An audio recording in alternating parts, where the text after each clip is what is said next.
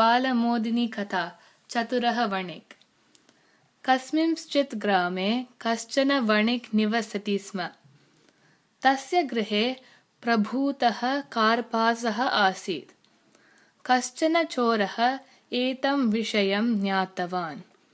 सः निश्चितवान् यत् मया एतस्य वणिजः गृहात् कार्पासः चोरणीयः इति कदाचित् रात्रौ सः वणिजः गृहं प्रविष्टवान्।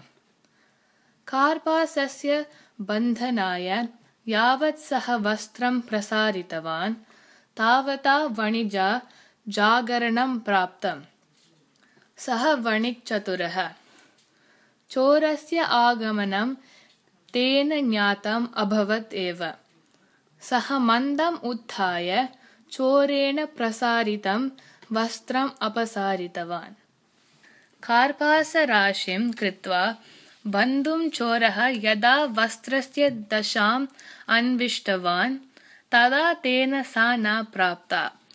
चोरः अचिन्तयत् चौर्यार्थम् आगतेन मया वस्तुभिः सहैव गन्तव्यम् इति। अतः सः स्वस्य युतकमेव निष्कास्य भूमौ प्रसारितवान् कार्पासबन्धनाय। एतद् लक्षितवान्। वणिक् विना शब्दं तस्य युतकम् अपि अपि अपसारितवान्। किं पिशाचपीडा प्रवर्तते अत्र? इति चिन्तयन् चोरः आत्मना धृतम् अधो वस्त्रमेव अपसार्य प्रसारितवान्। क्षणाभ्यन्तरे तदपि अपनीतं वणिजा। एवं चोरः निर्वस्त्रः जातः। स्वस्य दुर्गतिं स्मरन् बहिः गन्तुं लज्जाम् अनुभवन् चोरः तत्रैव अतिष्ठत् ततः वणिक् गृहसदस्यान् जागरय्य चोरं बद्धवान्।